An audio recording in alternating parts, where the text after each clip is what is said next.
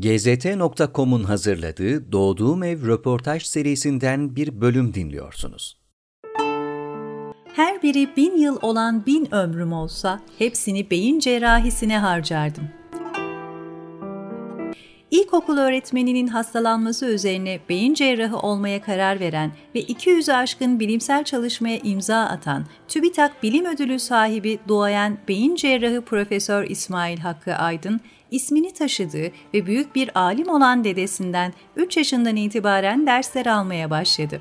Kur'an-ı Kerim, tefsir, hadis, fıkıh, Arapçanın yanında Latince ve Farsça hocalığı yapan dedesinin etkisiyle Yüksek İslam Enstitüsü'nde bölüm birincisiyken tıp fakültesini kazandı. Doktorasını ve tezini Zürih'te beyin cerrahisinde çağ açıp çağ kapayan Gazi Yaşargil'in yanında tamamladı. 40 yıllık meslek yaşamında 30 binin üzerinde ameliyat yapan ve yüzlerce doktor yetiştiren Aydın, aynı zamanda 7 şiir kitabı olan bir şair, yüzü aşkın güftesi bestelenmiş bir müzisyen, hattat ve 20'nin üzerinde kitabı olan bir yazar. Sıra dışı hayatının bilinmeyenleriyle Profesör İsmail Hakkı Aydın doğduğum evde. Yıl 1954, yer Trabzon. İsmail Hakkı Aydın nasıl bir evde doğdu? 1461'de başlar bizim sülalemizin Trabzon'daki hikayesi. Baki dedem e, Trabzon'u fetheden orduda bir komutandı ve Fatih'in talimatıyla Trabzon'a yerleşiyor ve Trabzon'un İslamlaşmasına ve Türkleşmesine e, görev alıyor. Bir medrese açıyor ve bir eczahane açıyor, açıyor Trabzon'da. Çünkü o zaman da Trabzon'da çok zehirlenmeler oluyor idi. Sarı orman gülünün balı ile ki buna zifin çiçeği denir. E, balık yendiği zaman da müthiş bir zehirlenme olur. Zehirlenme ile ilgili olarak bir antidot geliştiriyor. Ona Bakioğlu panzehir adı veriliyor.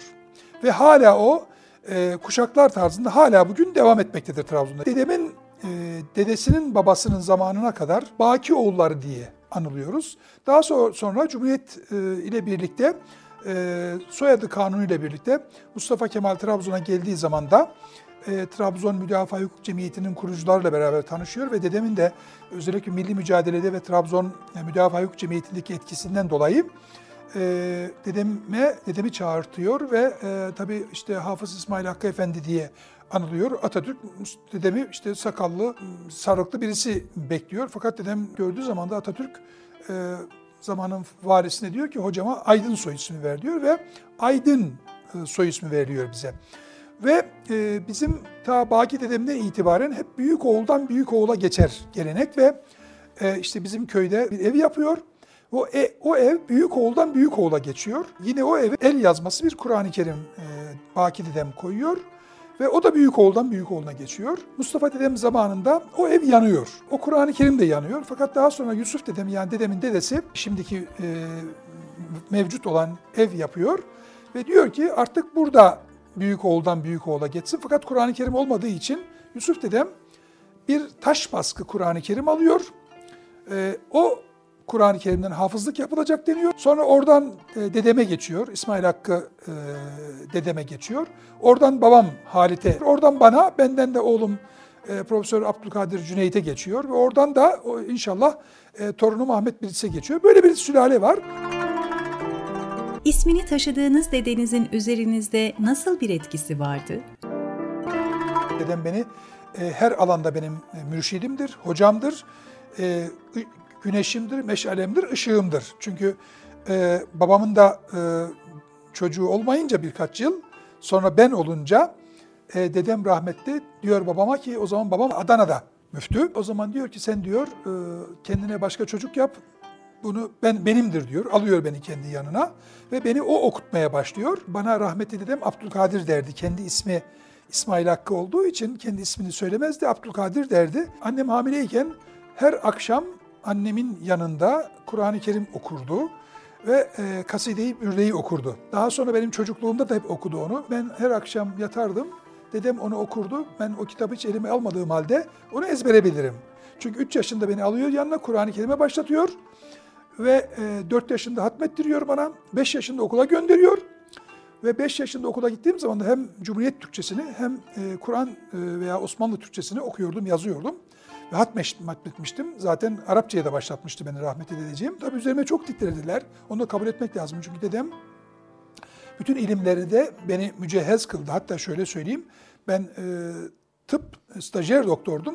Yine dedem de tefsir okuyordum. Yani o beni hiçbir zaman bırakmadı. Hala onun e, yani beni eğittiği, öğrettiği, e, terbiye ettiği çerçevede hayatım sürmektedir. Küçük yaşlarda İslami eğitiminizi almaya başlıyorsunuz ama sanırım ilkokul yıllarından itibaren de beyin cerrahı olmak istiyorsunuz, öyle mi? Şimdi şöyle aslında dedem rahmetli derdi ki oğlum sen asrın İmam-ı Azam olacaksın. Beni rahmetli o şekilde yetiştirdi. Benim tabii e, Kur'an-ı Kerim, tefsir, hadis, fıkıh, Arapça e, hocam dedemdir. İslam hukuku, feraiz, e, hat ve Fransızca hocam babamdır. E, belagat hocam aynı zamanda babamdır. Yine Trabzon müftüsü vardı Abbas Hacı Efendioğlu. O kelam hocamdır. Mustafa Kaygısız Hoca var. Yine tefsir hocamdır. Hasan Çavuşoğlu hocam vardı. O da yine e, feraiz hocamdır, fıkıh hocamdır. Yani değişik hocalardan okudum. Musiki hocam mesela Tahir Karagöz, Karagöz'dür. O arada enteresandır tabii bana tecvid oku diyor. Şimdi bilirsiniz tecvid Kur'an-ı Kerim'i e, güzel okuma, e, tilavet için önemli bir bilim dalıdır tecvid. 4 yaşındaki, 3 yaşındaki çocuğa işte tecvidde işte ihvadır, izhardır nasıl okutacaksın? Ama rahmetli dedeciğim bana derdi ki mesela ula İsmail bu metni munfasıl veya derdi ki buradan köye ihva gibi bu şekilde öğretir. Tabii bu arada Arapçaya başladım. Emsile bina oku, okuyorum. Ve okula gittiğim zaman da o zaman bizim okul e, tabii e, tek sınıfta okuyoruz. Ha o arada babam Akçabat müftüsü. Şehirde beni okula almadılar. 5 yaşında olduğum için almadılar. Dedem rahmetli köyde yazdırdı beni okula. E, o zaman da, köyde tek bir sınıf içerisinde bütün birinci, ikinci, üçüncü, dördüncü ve beşinci sınıflar tek bir oda içerisinde ve Murat Özdemir diye bir e, öğretmenimiz var. Muallim diyoruz o zaman. E, ve e, bizim sınıfta yani birinci sınıfta evli çocuklar var. Ben okulun sınıfın en küçüğüyüm. Fakat evli çocuklar var bizim sınıfta. Hatta çocuklar olan da, olanlar da vardı. O arada Murat muallim e, bir soru soruyor 5. sınıflara. 5. sınıflara kimse cevap veremiyor. Ben de gayri ihtiyarı parmak kaldırıyorum. O arada e, Murat öğretmen bana, Murat muallim dedi ki İsmail Hakkı sen biliyor musun? Biliyorum dedim öğretmen. Kalk bakayım kaldırdı beni tahtaya. Ben onu e, bir soruydu anlattım tahtada. Aferin lan dedi bana. Sen niye orada oturuyorsun? Tuttu benim kolumdan. Getirdi 5. sınıfa oturttu beni. Öyle olunca çok sevdim tabii. Yani hocaya karşı 5 yaşında bir çocuk taltif ediliyorsun. Ve hocayı çok sevmeye başladım Murat öğretmeni. Sonra e, aradan bir iki ay geçti. Murat öğretmen başım ağrıyor, başım ağrıyor, başım ağrıyor deyip duruyor. Sonra dediler ki işte o zaman Trabzon'a gitti, işte Ankara, İstanbul falan derken dediler ki Murat öğretmenin beyninde ur var ve onu ameliyat edecek beyin cerrahı Türkiye'de yok ve Murat öğretmen ölecek. Deyince ben tabii dünyam yıkıldı. Ben geceleri ağlıyorum. Annem diyor niye ağlıyorsun oğlum diyor. İşte ben Murat öğretmen ölecek falan. Ben dedim ben beyin cerrahı olacağım. Daha o zaman beyin cerrahı olmak için doktor olmanın gerekliliğini bile bilmiyorum. Derken dedeme dedim ki dede dedim ben dedim beyin cerrahı olacağım dedim. İmam-ı Azam, İmam-ı Azam olmayacağım dedim. O zaman dedem de Maçka'da, Maçka Merkez Camii'nin imamı. Dedem aynı zamanda müderris. Yani talebe okutuyor.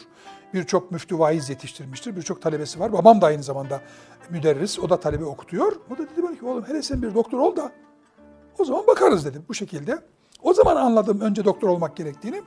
Fakat tabii e, Murat öğretmen daha sonra işte bir kampanya başlatıldı falan. Allah'tan iyi huylu bir urdu. Ameliyat olduk. Ortaokulda okurken de profesör olmayı aklınıza koyuyorsunuz. Hatta imzanızı bile o şekilde atıyorsunuz değil mi? Ben ortaokulla Trabzon'da başlayınca e, orada Akademi Kitabevi diye bir kitabı var. Hala var. Bir gün orada baktım ki bir e, kıvırcık saçlı, uzun boylu, e, koltuğun altında kitaplar olan birisini gördüm. Kim dedim bu kitapları karıştırıyor. Dediler ki bu üniversitede, o zaman üniversite yeni açıldı Karadeniz Teknik Üniversitesi. Bu dedi teknik üniversite dediler asistan. Asistan ne demek dedim. Orta birinci sınıftayım. Dedi ki dediler ki bu dediler işte büyük adam olacak. Bu dediler profesör olacak. Dedim profesör ne demek dedi. Dedi ki çok büyük adamım dedi. Büyük alim dedi. O zaman da e, Trabzon'da e, Trabzon Lisesi'nde İsmail Hakkı Bey var. Coğrafya hocası. İsmail Hakkı Bey çok seviliyor. Ben de onu çok seviyorum. İsmi çünkü İsmail Hakkı. Çok seviyorum onu. Çünkü şu anda bizim ailede 14 tane İsmail Hakkı var. Onu da söyleyeyim. Ondan sonra dedim ki ya İsmail Hakkı Bey'den de mi büyük olacak dediler. Tabii canım İsmail Hakkı Bey çok daha büyük olacak. Dedim o zaman ben profesör olacağım. Ve defterlerime, kitaplarıma hep o zaman Profesör Doktor İsmail Hakkı Aydın diye yazmaya başladım. Müftünün uşağı olarak tıp fakültesini kazandığınızda etrafın ilgisi, tepkisi nasıl oldu size karşı? O zaman Türkiye'de dört tane tıp fakültesi var. İstanbul, Ankara, İzmir ve Erzurum. E, o zaman tıp fakültesini kazanmak bir hayli zor. Çünkü e, toplam yanlış hatırlamıyorsam 5-600 kişi alınıyor. Kazandığınız zaman da tabii ki herkes duyuyor bunu. E, tabii ben tıp fakültesini kazandığımda e, babam çok büyük tabii e, tebrikleri aldı. İşte valisinden e, garnizon komutanına, kaymakamından işte belediye başkanına varıncaya kadar sokakta gezerken bile işte müftünün uşağı tıp fakültesini kazandı deniyordu. Tabii bu laf gelmişken onu da söyleyeyim. O zamanki bir tıp öğrencisinin itibarı bugün e, bir tıp profesörünün de yok onu söyleyeyim. Erzurum'da tıp fakültesine başlıyorsunuz ama sizin o dönemde Yüksek İslam'da bölüm birinciliğiniz de var değil mi? Evet, şimdi o şöyle oldu aslında. Ben e, Trabzon İmam Hatip Lisesi'ni alttan 7'yi vererek mezun oldum. İki seneyi bir vererek mezun oldum. E, ve o yıl e, ben Yüksek İslam için e, İstanbul'u düşünüyorum. E, babam da İstanbul'u düşünüyor. O zaman rahmetli dedem dedi ki hayır dedi. Sen Erzurum'a gideceksin. Hiç aklım istemiyorum Erzurum'a gitmek. Ve rahmetli dedemin e, çok önemli bir e, talimatı oldu bana. Dedi ki topraklarından birçok alim ve velinin yetiştiği Erzurum seni dünyaya tanıtacak ve dünyaya açılacaksın oradan dedi. Hiç kimse önünde duramayacak dedi. Tabii ben dedeme çok bağlıyım. Hilafsız, peki dede dedim. E, girdim. E, evet, e, birinci olarak kazanmıştım. Ve e, tabii o yıl biz üniversiteye giremiyorduk. E, İmam Hatip Lisesi mezunları üniversiteye alınmıyordu. Lise farkları vermek gerekiyordu. Ertesi yıl e, derece yaptım üniversite arası imtihanda. Ve o zaman işte Hacettepe'ye mi gireyim, Cerrahpaşa'ya mı gireyim diye düşünürken dedem dedi hayır dedi ikisine bir devam edeceksin yine Erzurum dedi. Ve ikisine bir devam etmek üzere Atatürk Üniversitesi Tıp Fakültesine kaydımızı yaptırdık ve ikisi birlikte devam etti. Ve e, yine orayı da hakeza dereceyle bitirdik. Fakat dedem hep benim e, bir yerde ışığım olmuştur. Ve onun e, izni olmadan hiçbir şey yapmadım. Siz iki fakülteye birden devam etmek istiyorsunuz ama sizi şikayet ediyorlar. Doğru mu biliyorum? Evet doğru. Şöyle oluyor. Tabii ben İslam Enstitüsü'nde de birinciydim. E, tıp fakültesinde de hakeza. İslam Enstitüsü'nde ikinci olan arkadaş. Çünkü o zamanki kanuna göre e, iki fakülteye devam etmek suç, yasak. Hatta o zaman Allah rahmet eylesin Erzurum valisi Necmettin Karaduman. Ona gidiyorum. Ondan yardım istiyorum. o da enteresan. O da bütün daire müdürlerini topluyor. Diyor ki o zaman e, 17 yaşındayım. Hatta benim kaydımı yaparken babamın imzasını istediler. E, imza yani onun imzası olmadan e, kaydımı yapmadılar. Ben de e, babamın gelmesi mümkün değil. Telefon açtım. Bir telgraf çektirdim. Babam adına Trabzon'dan bir telgraf çektirdim. E, o şekilde kayıt yapıldı e, şeye. E, işte oğlumun kayıt yapmasına muvaffakat ediyorum diye e, Yıldırım telgraf çektir, çekildi ona göre. Ve o zaman e, e, Necmettin Karaduman diyor ki Allah rahmet eylesin. Bak diyor siz diyor bir fakülte okuma, okumamışsınız diyor. Olmayanlar varmış demek. Bu demiş iki fakülte okuyor. Onda kanun engel oluyor. O zaman e, Yüksek İslam Enstitüsü'nün e, müdürü Allah selamet versin Profesör Doktor Mustafa Cevat Akşit. Tanıyorsunuz kendisini. Mustafa Cevat Akşit o zaman e, doktora yapıyor. Hem hukuk mezunudur kendisi hem yüksek İslam mezunudur. Ve bizim İslam Enstitüsü'nde müdürdür. O zaman İslam Enstitüsü e, e, Milli Eğitim Bakanlığı'na bağlı. O zaman zaten YÖK diye bir şey yok. Üniversite değil. Yüksek enstitü yani eğitim enstitüleri gibi. O da istemiyor. O da söylüyor bana sen İmam-ı Azam olacaksın. O da dedi ki kanunen mümkün değil.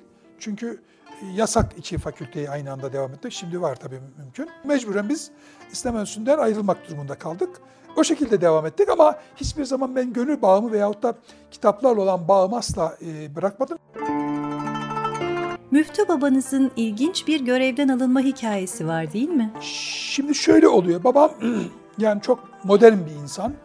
E, çünkü e, 1954 yılında e, hep kolalı gömlek, kravat, kol düğmeli gömlekler, e, takım elbise giyen çok modern bir insan. E, tabii o zamana göre böyle bir müftü çok modern görülüyor. Ve bütün kardeşlerimi okuttu babam, kız kardeşlerim dahil hepsini okuttuğu için birazcık e, modern olarak telakki ediliyor. Trabzon'un Maçka ilçesi o zamanlarda küçük Moskova olarak biliniyor. Maçka'da e, Cumhuriyet Halk Partisi sağ parti olarak kabul ediliyor o zaman. Hatta e, Türkiye'nin zannediyorum ilk disipli belediye başkanı Maçka'da seçilmiştir. Öyle bir yapısı var. Ve Mao'cular ve Leninciler Maçka'yı ikiye bölmüşlerdi o zaman. O enteresandır. E, işte cami huduttu. E, ama babam tabii işte okul yapılacak, babam hep e, yol yapılacak, babam öndedir. İşte e, sağlık ocağı yapılacak. E, bütün okulların yapılma okulların yapılmasında Trabzon'un Karadeniz Teknik Üniversitesi yapılmasında yine babam çok ön ayak olmuştur. E, yolların, sağlık ocaklarının işte kız sanat enstitüsü yapılacaktır. Hepsinde İmam Hatip Okulu yapılacaktır, lise yapılacaktır. Hep okul aile birliğindedir, hep önde e, giden bir insandır. Ve e, babam hiç kimseyi ayrımcılık yapmaz Diyanet İşleri Başkanlığı e, camiasında. E, 40-50 yıla yakın müftülüğü vardır. Ve e, Mao'cular ve Lenincileri hep o barıştırırdı. İşte kavga etmeyin, nasihat ederdi falan böyle. Çok enteresan bir hikayesi daha var babamın rahmetli. Onu da anlatmak istiyorum. E, Esiroğlu bizim köyün nahiyesi, küçük bir nahiye. Babam orada ortaokul açmak istiyor.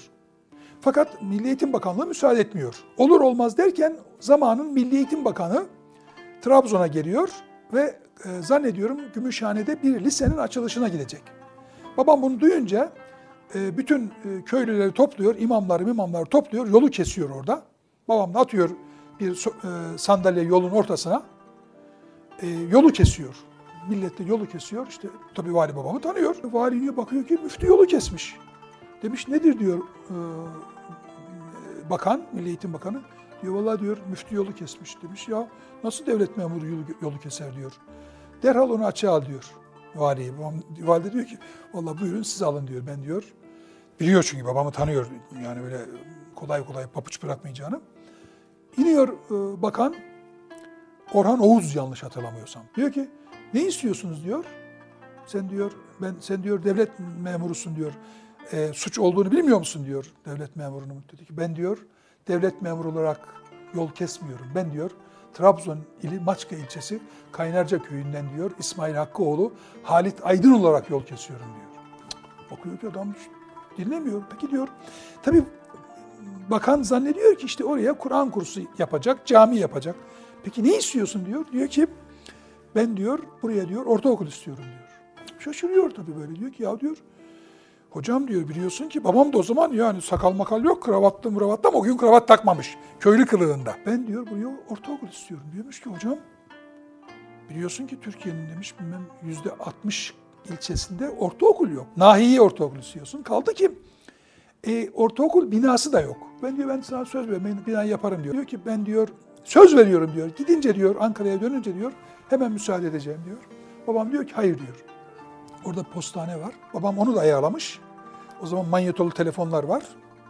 Diyor ki buradan diyor hemen diyor telefon edeceksin diyor şey diyor bakanlığa. Telgraf emriyle müsteşarına talimat ver diyor. Valide burada diyor. Hemen gelsin telgraf diyor. Açık açın. Bakıyor kurtuluş yok. Peki diyor. Ondan sonra peki ama bir şartım var diyor babama. Nedir diyor? Beraber gideceğiz diyor okul açılışına Gümüşhane'ye, lisenin açılışına. Tamam diyor.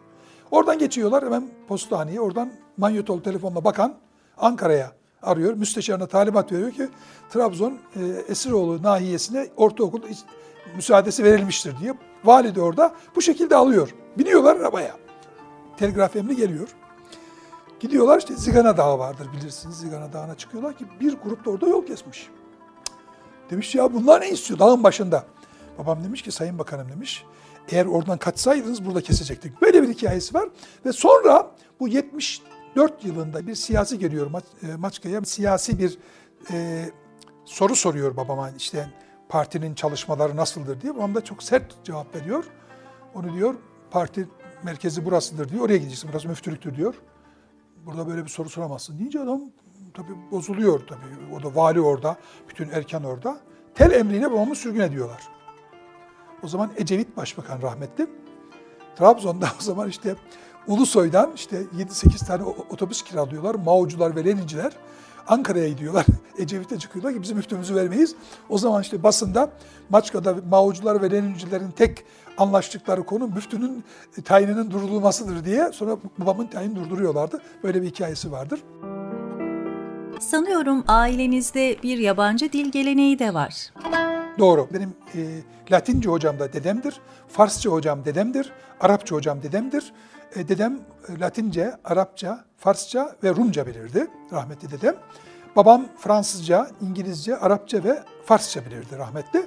E, bizim evde e, evet yani şu anda mesela dedemin evinde e, 15 tane akademisyen vardır. Herkes en az 2-3 lisan, 2 lisan, en az 2 lisan bilir. Rahmetli benim için biraz daha fazla torpilli davranmıştır. Çünkü onun rahleyi tedrisinden geçmişimdir. Mesnevi'nin dibacesini Farsçasından ezberlettirmiştir. Bişnevi neyçün hikayet mikunet ezzüdayi aşikayette başlar o e, sonuna kadar ezbere okuyabilir. E, tabii birçok işte e, Sadi'den olsun, Hafız'dan olsun, Hayyam'dan olsun, e, Firdevsi'den olsun, e, birçok e, Arapça muallakatü sebadan olsun birçoklarını ezberlettirmiştir bana.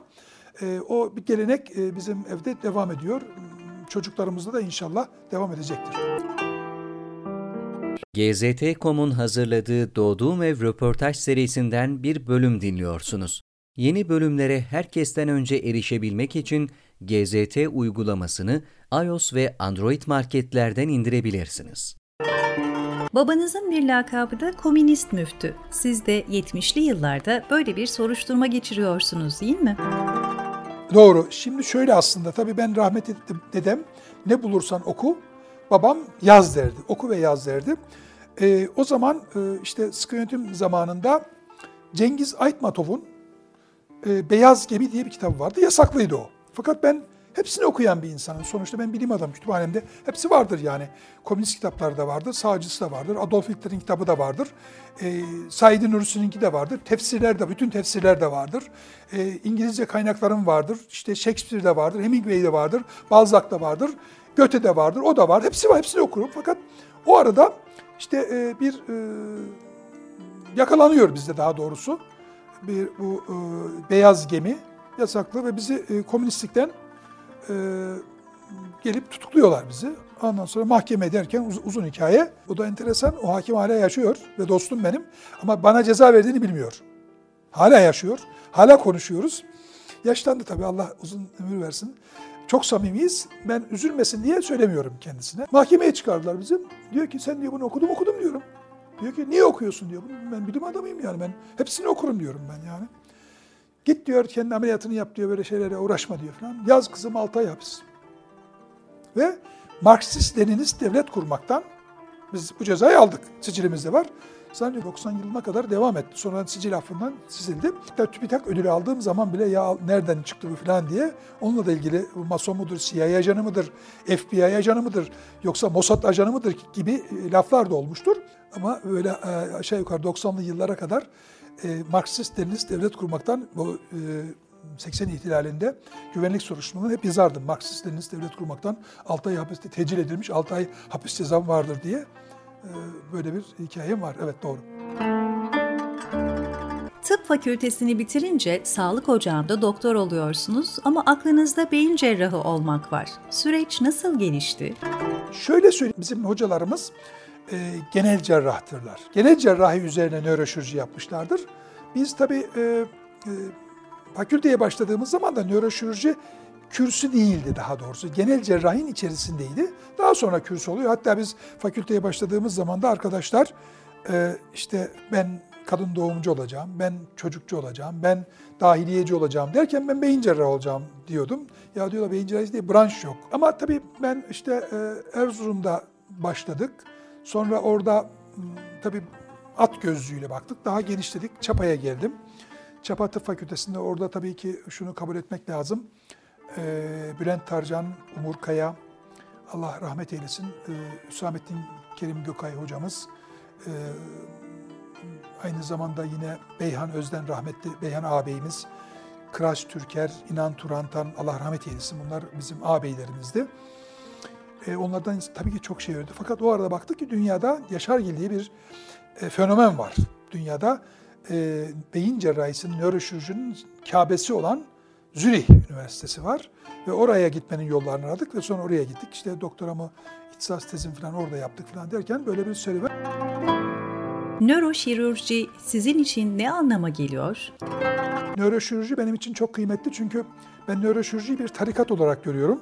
Nöroşirurji çilesi hiç bitmeyen bir tarikattır. Çünkü hala okuyoruz devamlı beynin beyin çünkü aa, tanrısal bir e, parçacıktır, tanrısal bir mucizedir. Onunla uğraşmak e, çok büyük bir nimettir, Allah'ın bir bahşidir, lütfudur.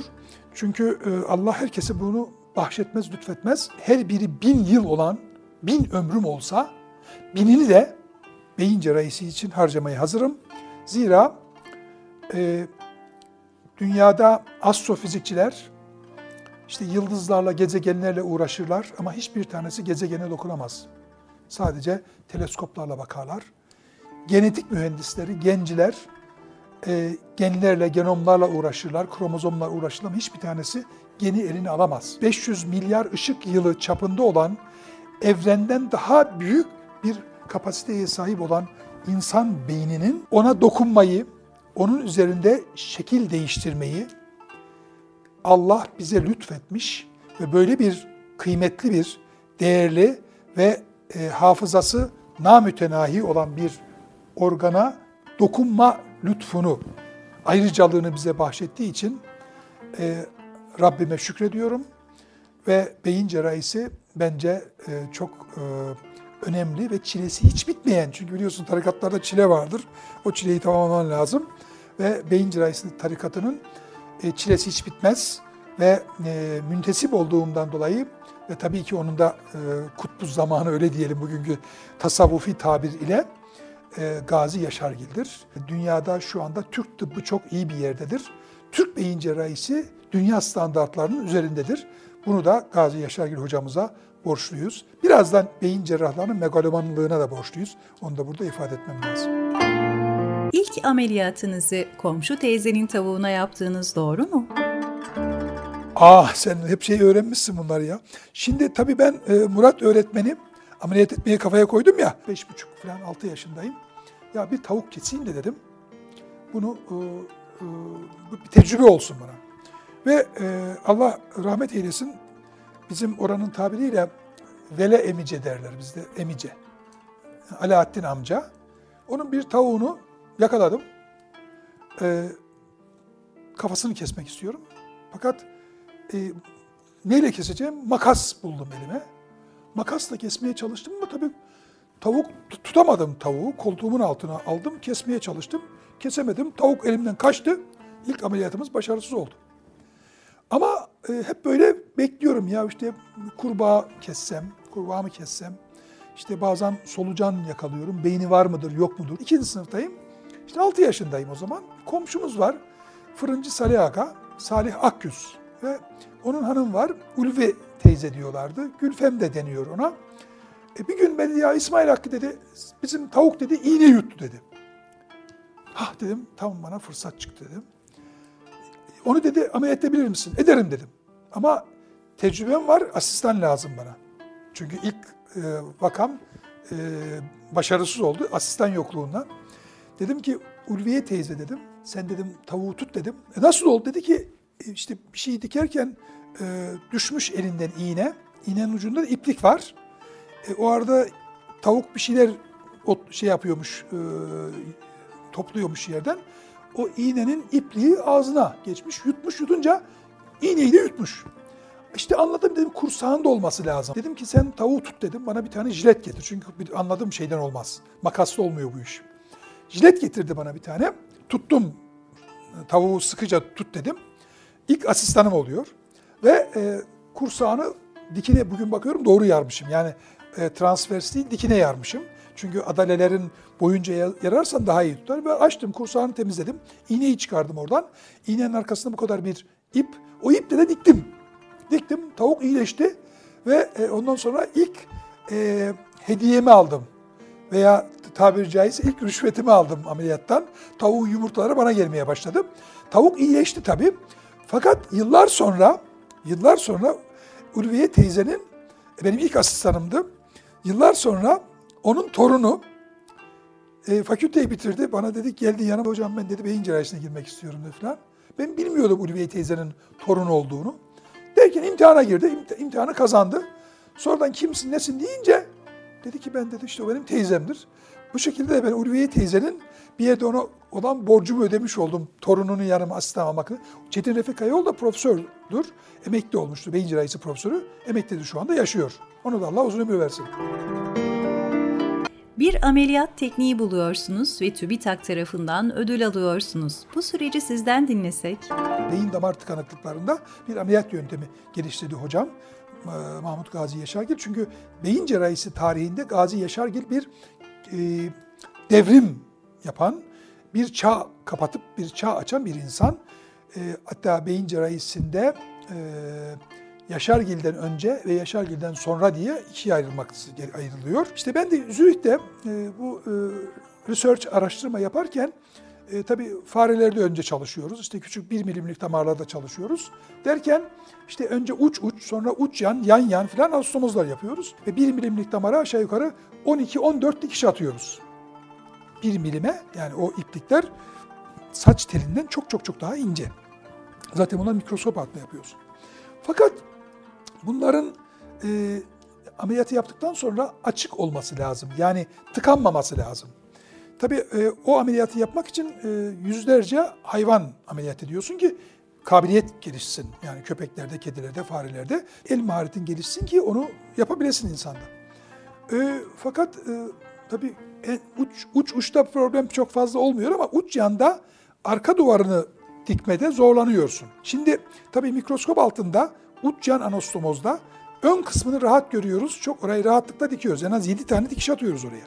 7 tane de arkaya yatıracağız. Arkaya yatmak için tabii mikroskop altında onu çevirmek lazım arkasını görmek için. Fakat her çevirme mikroskopik seviyede damarın iç duvarında zedelenme yapıyor. Ben düşündüm, taşındım. Nasıl yapabiliriz? Ben hep tabii e, rüyalarımı süslüyor. Nasıl yapabiliriz bunu? Nasıl bunu ön duvar haline getirebiliriz derken bir rüya görüyorum ki rüya da insanın bence e, rüya bilim tarihinde çok önemli bir yeri vardır. Bir gün rüyamda e, fare ameliyat ediyorum ve arka önüne çevirip duruyorum. O çevirdiğimden dolayı her seferinde yani uç yan anastomozun arkasını çevirdiğinden dolayı yırtıldığını görüyorum şeyin. Arka duvarın. Rüyamda görüyorum bunu. Sonra diyorum ki ya bu demek bundan dolayı tıkanıyor. Yani orada tahriş oluyor. Tabii elektron mikroskop çalışması da yaptık, onu teyit ettik. Sadece rüyaya göre hareket etmedik tabii. Ve dedim ki nasıl olur da biz arka duvarı ön duvar haline getirebiliriz? Tek bir pozisyonda. Sonra düşündüm işte o rüyanın etkisiyle o e, çentik, bir küçücük çentik açtım el, eldiven parmağına, eldiven parçasına. Ve getirdim bu e, anastomoz yaptığım damarın ucunu oraya taktım ve daha düşmedi önüme. Arka duvar ön duvar gibi oldu. Ve bu şekilde yapınca yüzde doksan açıklık sağladık, kurtardık. Ve sonunda işte bunu e, Gazi Hoca'ya dedim hocam böyle böyle filan. Çok iyi aferin dedi bunu sen düşündün falan bunu mutlaka yaz. Tabii ben bunu ya çok önemli bir şey görmüyordum. Yani ne olacak işte çevirdik arkayı da diktik yazdık. Ve bu tabii e, en iyi teknik olarak e, e, literatürde kabul edildi. Turgut Özal'ın da bir etkisi var değil mi ödül almanızda? E, onun da hikayesi enteresan. Rahmetli Özal İsviçre'ye geldi. 84 yılında başbakandı o zaman. E, Semra Hanım'la beraber geldi. Semra Hanım göz muayenesi vardı. Geldi. Hocanın yanına uğradılar. Klinikteydim. Sekreteridir. Aradı beni ki e, hoca sizi çağırıyor. Hocanın çağırması tehlikelidir. Fırça atacaktır. Bir hata yapmışsındır. Yani korktum. Hoca fırça mı atacak? Kovacak mı? Ne yapacak falan diye. Heyecanla koştum. indim hocanın odasına. Yani şöyle bir 15-20 saniyelik bir görüşmemiz oldu rahmetli Turgut Özal'la. Zannediyorum Kaya Toperi de yanındaydı rahmetli. Arada zaman geçti. Bu arada daha sonra bana Kaya Toperi anlattı bunu. Bu Amerika'ya gidiyor, Houston'a gidiyor. Ee, İsmet Karacan var biliyorsunuz. Onun yanına gidiyor. Diyormuş ki işte nedir diyormuş bu internet yeni çıkmış o zaman 1990. O da diyormuş ki işte böyle böyle işte dünyada ne kadar çalışma varsa buradan görme imkanım var falan diyor. Diyor ki ya diyor işte bizim araştırmacılar kimler var falan bakalım diyor. Tabii o arada benim tabii soy ismimin Aydın olması bir avantaj. Tabii Aydın başta çıkıyor. Aydın İsmail Hakkı diye çıkınca işte diyor ki bak diyor nedir diyor bu tanımıyor beni ee, şey e, rahmetli Turgut Özal. Gerçi şeyde gördü ama benim o olduğumu bilmiyor. Sonra e, diyor ki ne yaptı? İşte diyor işte bu damarı böyle böyle yaptı. Okuyor makaleyi oradan tabii İsmet Karacan ona. İşte böyle yaptı şöyle yaptı falan derken ilgisini çekiyor. Türkiye'ye geldiği zaman da işte o zaman Mehmet Yazar TÜBİTAK'tan sorumlu devlet bakanı. Cumhurbaşkanı diyor ki nasıl şey yapıyorsun diyor. İşte böyle böyle işte üniversiteleri teklif ediyor. İşte araştırmacılar şunlara ödül veriyoruz. O da diyormuş ki ya diyormuş ben teklif edemez miyim diyor devlet bakanına. Tabii diyor siz Cumhurbaşkanısınız diyor. Diyor ki benim de adayım diyor İsmail Hakkı Aydın'dır diyor. Özal. Benim haberim yok. O da e, bana yazı yazıyorlar ki yayınlarını gönder. Fakat o arada bir basında yayın çıkıyor ki TÜBİTAK bir e, bilim kütüğü oluşturuyor. Makaleler hep orada toplanacak. E, böyle bir haber var. Bana öyle yazı geldi diyorum. Herhalde diyorum o katalog için yani o bilim kütüğü için bizim yayınlarım. Ben de dosya hazırlayıp yolluyorum. Aradan zaman geçiyor. Ben hiç aklımda yok TÜBİTAK ödülü alacağım. E, bir ameliyat için e, Jübliyana'ya davetliyim. Yıl 90. O zaman tabii cep telefonu falan yok. E, e, bir gün ama telefonla konuşuyorum. Hanıma arıyorum. Ne var ne yok falan dedi. Bana ki müjdemi isterim dedi. Ne müjdesi diyorum. Diyor öyle ufak tefek istemem diyor. Büyük müjde. Ya nedir diyor ki TÜBİTAK ödülü aldı. Git dedim ya benim TÜBİTAK ödülü. Öyle bir müracaat yok. Üniversitenin teklif etmesi lazım seni. Yani e, Bakanlar Kurulu'nun teklif etmesi lazım. işte Cumhurbaşkanı falan mümkün değil dedim. Yanlış ya dedi herkes tebrik ediyor. Televizyonda izledim dedi. Sabahı zor ettim. Şimdi ne yapayım? TÜBİTAK'ı aramam lazım. Sabah oldum hemen TÜBİTAK'ı aradım. Oradan tabii kendimi tanıtmadım. Ben dedim TÜBİTAK ödülleri kim aldı onu öğrenmek istiyorum. Hemen beni işte halkla ilişkilere bağladılar falan. İşte sayıyorlar işte, işte fizikte şu, bilmem mühendislikte bu, işte kimyada bu falan filan derken tıp deyince işte işte e, İsmail Hakkı Aydın işte nereden Atatürk Üniversitesi'nin. Tabii o beyin cerrahisi dalında İsmail Hakkı Aydın deyince ben telefonu kapattım daha diğerini dinlememek gerek yok falan. 1984 yılında Atatürk Üniversitesi Nöroşirurji Bölüm Başkanı oluyorsunuz. Orada ne gibi ilklere imza attınız? Doğru. Şimdi Atatürk Üniversitesi Beyin Cerrahisi'ne 84'te geliyorum. Tabii ben devlet bursuyla yurt dışına gittiğim için mecbur hizmet e, söz konusuydu ve ben Atatürk Üniversitesi'ni tercih ediyorum. Orada kalıyorum ve orada ilk olarak mikroşirurji, mikro nöroşirurji laboratuvarı kuruyorum. O zaman Türkiye'de hiçbir yerde yok.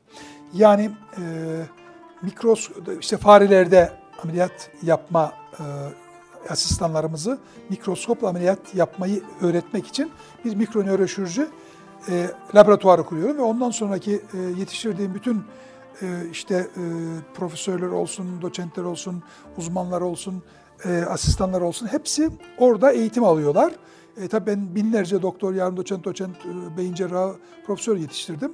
Aşağı yukarı onlar hepsi orada eğitim alıyorlar ve 1985 yılında yine Türkiye'de ilk defa e, kapalı devre televizyon sistemini kuruyorum. Yani ameliyathaneden e, klinikteki odalara, asistan odasına, benim odama e, bağlantı yaparak mesela asistanlarım aşağıda ameliyat yaparken ben odamda onu izleyebiliyorum. Hasta sahipleri, asistanlar, öğrenciler bütün ameliyatları izleyebiliyorlar. Ve ilk olarak Türkiye'de bunu ben kurdum 1985 yılında ve büyük ameliyatların hepsini biz videoya kaydettik. Sonra onları CD'lere, DVD'lere aktarma oldu. Onun için 1985'ten beri e, büyük ameliyatlar, yaptığımız büyük ameliyatlar e, çoğunlukla hepsini kaydettik. Hatta onlardan bazılarını biz e, dünya kongrelerinde e, uluslararası dünya çapındaki kongrelerde, değişik ülkelerde e, konferanslar verdiğimde o videolarda koyup gösteririz. Bu ameliyatlar böyle yapılır diye. Hocam, 200'ü aşkın bilimsel çalışmaya imza atıyor, onlarca uluslararası ödül alıyorsunuz. Bugün geldiğim yerden memnunum diyor musunuz? Şimdi bakın ben pişman değilim. Ee, yani bu demin söylediğim gibi yani ben bin ömrüm olsa her biri bin yıllık bin ömrüm olsa hepsini beyin cerrahisi de veririm. Çünkü beyin cerrahisi bir uyuşturucu bir branştır. Beyin cerrahisi e, müntesiplerine yani o yola girenlere e, bir uyuşturucu gibi bağımlılık yapar. Ve hiçbir tedavisi yoktur bunun dünyada. Bu işe düştün mü bu ömür boyu devam eder bunun iptilası. Yani bir ne alkol bağımlılığına benzer ne madde bağımlılığına benzer bu. Bu enteresan bir. Ve bundan da memnunuz. Beyin cerrahisi e, tabi yaratılan en eşrefi mahluk olan insanın en mukaddes organına dokunuyorsun. E, e, beyin Allah'ın insanlara bahşetmiş olduğu en büyük nimet. Ben yarın insanlara kıyamet gününde inanırsınız, inanmazsınız. Benim kanaatime göre ilk sorulacak soru beyninizi neden kullanmadınız? Kur'an-ı Kerim'deki bütün ayetlerin ayetlerin yüzde yetmiş, yüzde sekseni efela yagilun, efela yefemun, efela yetzekerun diye biter. Neden düşünmüyorsunuz? Neden fikir üretmiyorsunuz? Neden proje üretmiyorsunuz? Neden geçmiş ile gelecek arasında bağ kurmuyorsunuz? Neden ütopya sahibi değilsiniz? Neden geleceği şekillendirmiyorsunuz? Neden geçmişe bakarak gelecekteki oluşabilecek problemlerin önüne geçmiyorsunuz diye hep uyarılmaktadır. O nedenle nöroşirurji böyle bir meslektir. Çünkü beyinde bir cazibe vardır. Beyin bizi çeker. Beyin içerisine girdiğin zaman da namütenahi bir ummandasınız. Namütenahi bir hafıza kapasitesi vardır, kabiliyeti vardır. Kainatta ne kadar atom varsa, atom, elektronu çekirdeği olan atomlar, o kadar atomlar sayısınca bilgiyi bu beyin içerisine almaya, muhafaza etmeye ve unutmaz, beyin unutmaz. Unutan biziz, unutan insandır. Beynin e, hafızası vardır, her şeyi kaydeder. Onun için beyin Allah'ın en kutsal organıdır. İnsanlara en büyük nimetidir. İnsan beynini kullanırsa kainatta, dünyada demiyorum, kainatta yapamayacağı, hayal ettiği ne varsa yapamayacağı hiçbir şey yoktur. Ömrünüzü bilime adadınız ama sizin sanat içinde büyük bir emeğiniz var değil mi? Beyinle uğratmak zaten zaten sanattır. Çünkü beyin sanat harikasıdır. Yani şimdi düşünüyorsunuz ki 100 e, milyar nöron kendi aralarında 2 e, üzeri 100 milyar bağlantı yapıyor. Ve birbirine değmiyor. Ve beautiful brain diyoruz biz buna. En güzel şeklini ortaya koyuyor. Ve enteresandır, kendi aralarında nöronların iletişim 10 e, üzeri 16 işlem bölü saniye. Bu ne demek biliyor musunuz? Onu 16 kez kendi kendisiyle çarpacaksınız. O kadar saniyede işlem yapıyor. Bunun bir kısmını biz farkında değiliz ama beyin onun farkında. Böyle bir organla çünkü o ameliyat açtığınız zaman da o damarların içerisindeki kan hücrelerin dansını görüyorsunuz, hissediyorsunuz.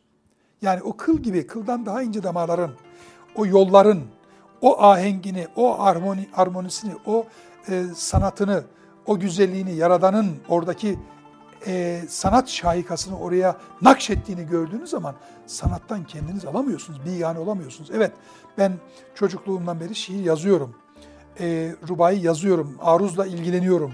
E, yedi tane şiir kitabı yazdım ve mesela son iki kitabım e, e Ya Hay ve e, Rubaiyat-ı Bircis'tir. Tamamen aruz üzerine kurulmuştur ve aruzda en zor form olan rubai, mef'ulü, mefaili, mefaili, feul vezni, ahrep ve ahrem vezinleri vardır. Onu kullandım ve e, Cumhuriyet Türkçesiyle yani Osmanlı Türkçesinden ziyade Cumhuriyet Türkçesini kullandım. Ama ben e, dediğim gibi yani e, sanattan bilgane kalamam. Çünkü sanatla uğraşıyorum. Ben ameliyat yaparken sanat yapıyorum. Ben e, belki birazcık e, sıra dışı olacak ama ben e, dünyada hiçbir zevki e, bir beyin ameliyatından e, aldığım zevke değişmem. Yani o beyin ameliyatı yaparken evet e, ananız ağlıyor. E, 15-20 saat bazen 28 saate varıncaya kadar ameliyat yapıyorsunuz. E, yemek yemiyorsunuz, çay içmiyorsunuz. O hastayı kurtarmak için uğraşıyorsunuz. Ama ameliyattan çıktıktan sonra hasta sizin elinizi sıktığı zaman da ağzını aç, gözünü aç, ayağını çek parmağı, ayağı, kolunu kaldır, dilini çıkar dediğiniz zaman adın nedir dediğiniz zaman da nasılsın, iyiyim dediğiniz zaman da ona cevap verdiğinizde dünya sizin oluyor. Yani dünyanın hiçbir zenginliğine, hiçbir e, malına, mülküne bu değişilmez. O nedenle sanatla bigane kalmak mümkün değildir. E, hatla ilgileniyorum biliyorsunuz. E, tabii ki dedem oku derdi, babam yaz derdi. Çünkü hat konusunda da babam çok üzerinde durdu. Ama sanatta şöyle bir şey vardır. Bilim insanlığın ortak mirasıdır. Ve benim en büyük korkum beynimde olan bilgileri benden sonraki kuşaklara yeterince aktaramamaktan korkuyorum. Ömrüm vefa etmez diye korkuyorum. Onun için e, Allahu Teala'dan e, bunu e, aktaracak imkan vermesini istiyorum. E, ayrıca e, musiki ile ilgileniyorum. İşte e, yüzden fazla beste yapılmıştır. E, e, işte şiirler yazmışımdır. E, bilgiyi aktarmadığın zaman o senin sırtında yüktür. E, bilim insanlığın ortak mirası, sanat ise ortak lisanıdır. Çünkü malın zekatı vardır, onun kırkta birini vermektir veya sana yeteneğinin dışındakini vermektir. İlmin zekatı vardır, öğretmektir. Onun için bilimimi aktaracağım, bilimimin zekatını vereceğim. Ben bu kadar kitap yazdım. Allah inşallah bilgimi aktarmak için e, o fırsatı bana verir, o imkanı bana verir. Sanatta şöyle bir şey vardır. Ben beyin cerrahisinde asla tevazuyu kabul etmiyorum, onu söyleyeyim ben sana. Beyin cerrahisinde asla tevazu kabul etmem. Ama sanatta sanat tevazuyu gerektirir. Beni bilim adamı yapan e, Kur'an-ı Kerim'dir. Kur'an'a inandıkça, okudukça, Kur'an'ı okudukça bilim adamı oldum, bilim adamı oldukça Kur'an'ı okudum. Hani Biruni der ki bilimle uğraşmama sebep Bakara suresinin 191. ayetidir. Doğrudur. Ben de Kur'an hepsidir diyorum. Çünkü Kur'an'a Kur'an okuyup da bilim bilime bilgane kalmak mümkün değil. Çünkü Kur'an'ı her okuduğumda e, yeni bir şey çıkıyor karşıma. Aa diyorum ben bu ayeti hiç okumamış gibiyim. Okuyorum Allah Allah diyorum. Bu sanki daha yeni okuyormuşum gibi. Yani işte geçen inne yevme inde rabbike kerfe senete mimma taudun diye bir ayet Had suresinin 47. ayeti. Onu okuduğunda Allah Allah izafiyet teorisi. Veyahut da ya eyyünnâs ittekû rabbeküm ellezî halekaküm min nefsin vahidetin. Onu okudum baktım ki kopyalamadan bahsediyor Allahu Teala. 1400 sene önce geldi. Onun için e, Kur'an-ı Kerim okudukça bilme yöneldim. E, onda tevazuyu kabul etmiyorum çünkü peygamber de diyor ki ve lemidadun macerat min eklamil ulemâi hayrun min numâi şühedâi fî sebilillah diyor. Yani alimlerin kaleminden boşalan mürekkep e, Allah'ın dinini yaymak için savaşa gidenlerin ve şehit olanların kanından daha hayırlıdır diyor. Ve lemidadun macerat min eklamil ulemâi hayrun min numâi şühedâi fî sebilillah. Onun için dolma kalem kullanıyorum. Ayrıca tabi bilimde, ilimde hep e, peşinde koşmak önemlidir. E, çünkü La yezalur raculu alimen ma talebel ilme fi izâ zanne ennehu kad alime fakat cehile. İnsan ilim öğrenmek istediği müddetçe alimdir. O nedenle bilimde böyle ama sanat konusunda e, sanatta tevazu çok önemli. Dünyanın en iyi udisini çağırın, ut çalanı çağırın. E, ben udiyim demez. Efendim ut görmüşlüğümüz vardır der. Dolma kalem hassasiyetiniz olduğunu okuyorum yazdıklarınızdan. Sizi siz yapan değişmez prensipleriniz var. Dolma kalem dışında hangilerinden bahsedebilirsiniz? Biz Trabzonluyuz. Trabzonlar silah düşkündür. 8-9 yaşlarında babamdan silah istedi. Bana bir tane tabanca al dedim. Olur oğlum dedim. Babam işte akşam bir kutu getirdi bana. Al oğlum tabancanı getirdim dedi bana falan. Ee, açtım baktım hafif. Sonra açtım, içinden bir kutu çıktı. Açtım, sonra baktım içinden bir dolma kalem çıktı. Dedi, baktım şaşırdım böyle. Tabii babam izliyor. Dedi oğlum senin silahın budur dedi. Ve o zaman ne dediğini çok iyi anladım. Mürekkebin ben kutsal olduğuna inanırım. Ve e, talebeliğim boyunca hep dolma kalem kullanmışımdır. Yanımda hep çift dolma kalem kullandım. E, yani e, 40 yılı aşkındır meslek hayatımda hiçbir hastama değil reçete, idrar tahlili dahi tükenmez kalemle yazmadım. Ve ben hep dolma kalem ve imzaya çok dikkat ederim. Çünkü yazı, imza kişinin şahsiyetidir. Ee, dolma kalem de kutsaldır. Çünkü ikra bismi rabbikellezi halak halakal insane min alak ve devamında alleme bil kalem diyor. Kalemi de yarattı. Oku ve yaz diyor. Onun için o bizim bir değişmez düsturumuzdur. Ee, bir tanesi e, e, mütevekkil münzevi olan bu kalem. Bu da müteharris, müşteki olan ikisini de devamlı yanımda kullanırım. Birisi siyah yazar, birisi mavi yazar. E, keyfime göre hangisini kullanırsam onu kullanırım. Evet. Birçok kitabınız var ama dikkatimi en çok ah bu doktorlar, ah bu hastalar çekti. 30 yılda 30 binden fazla ameliyat yaptınız. Neler anlatıyorsunuz bu kitaplarda? Şimdi şöyle efendim bakın ah bu hastalar derken ben o kitabımı hastalarıma atfettim. Çünkü benim bu tecrübeyi kazanmamda hastalarımın çok büyük payı vardır. Yani anatomi laboratuvarları ölülerin dirileri eğittiği yerdir. Ameliyathaneler ise hastaların kendilerine şifa ararken, dertlerine derman ararken cerrahları da eğittiği yerdir. Şimdi ben o kadar ameliyat yapmamış olsaydım tecrübeyi nasıl kazanacaktım? Onun için Ah Bu Hastalar kitabım beyin cerrahisindeki tecrübelerimi ve bu seviyeye gelmeme katkılar olan hastalarıma ithaf etmişimdir. Evet ah bu doktorlar var. Rabbim beni doktordan koru var. Aslında onların sonunda bir ünlem işareti vardır. Tabii hekimlik çok zor bir meslektir. Kolay elde edilen, kolay kazanılan bir meslek değildir. Bugün bile hala Afrika'da e, bazı kabileler hekimleri, cerrahlar Tanrı'nın yerdeki temsilcisi olarak görürler. Biz buna inanmış insan. Şifa da, dert de, derman da ondandır. Allahü Teala hiçbir hastalık yoktur ki tedavisini yaratmamış olsun. O nedenle hekimliğin böyle bir yönü vardır. Ee, evet, şifa da Allah'tan, dert de Allah'tan ama biz ona bir yerde onun e, vermiş olduğu imkanla e, bu işi yapıyoruz. E, onun için hekimlik zor bir meslektir, tanrısal bir meslektir. Allah'ın yeryüzündeki temsilcisidir. Şafi sıfatını kullanır. Hekim zaten hakemden gelir. Aynı kökten gelir. Hakem, hekim aynı kökten gelir. O nedenle zor yetişiyor. Hekimlerimizin maruz kaldığı e, çeşitli e, tacizlere, yaralanmalara e, bir yerde dikkat çekmek için o kitabı yazdım. Ama ilk etapta onun ismine bakanlar ya bu doktorları yeriyor diye halbuki içerisinde hep doktorların ne çileler çektiğini, e, ne gibi bir eğitimden geçtiğini, ne kadar uykusuz geceler geçirdiğini anlatan bir kitaptır.